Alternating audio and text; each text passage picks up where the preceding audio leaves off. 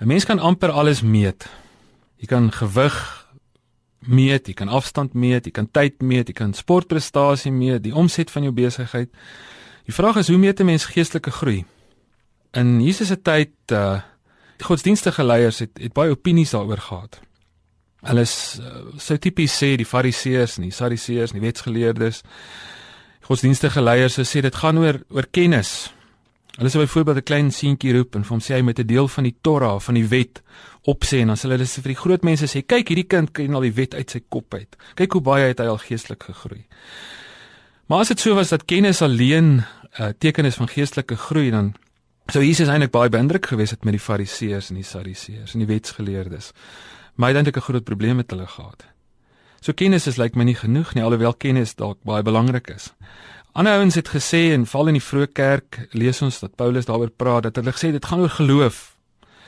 En uh, geloof om berge te versit. Dis die belangrikste ding in 'n ou se lewe. Jy ou baie geloof het dan net hy dan baie gegroei. In geloof lewe.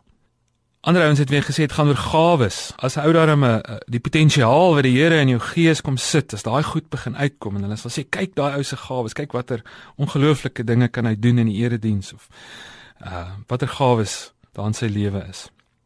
Daar was ook 'n toenemende ding rondom selfopoffering, die vervolging dat hulle gesê die ou wat op die brandstapel sterf of wat sy lewe gee vir diens of wat ook al, dis die ou wat baie geestelik gegroei het. En dan kom Paulus en dan sê hy die baie vreemde ding. Hy sê al het jy al die kennis, al het jy al die geloof om berge te versit. Hy sê al het jy die gawes van engele. Al het jy reuse selfopoffering. Hy sê maar as jy nie liefde het nie, is jy niks.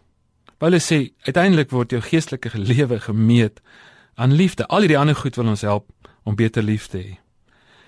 Niks is 'n baie sterk woord. As hy sê as jy nie liefde het nie, is jy niks.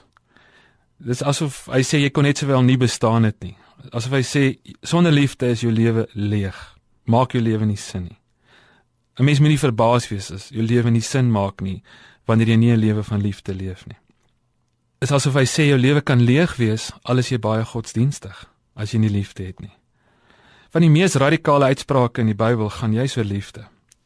Die samevatting van die wet, die hele wet en die profete, vra die skrifgeleerde, waaroor gaan dit? Dan sê hy, gaan oor liefde. Jesus sê op 'n ander plek sê hy in Johannes, aan julle liefde vir mekaar sal mense weet dat julle my disippels is. Johannes gaan so ver as hy sê God is liefde. Paulus sê, sonder liefde is ek niks.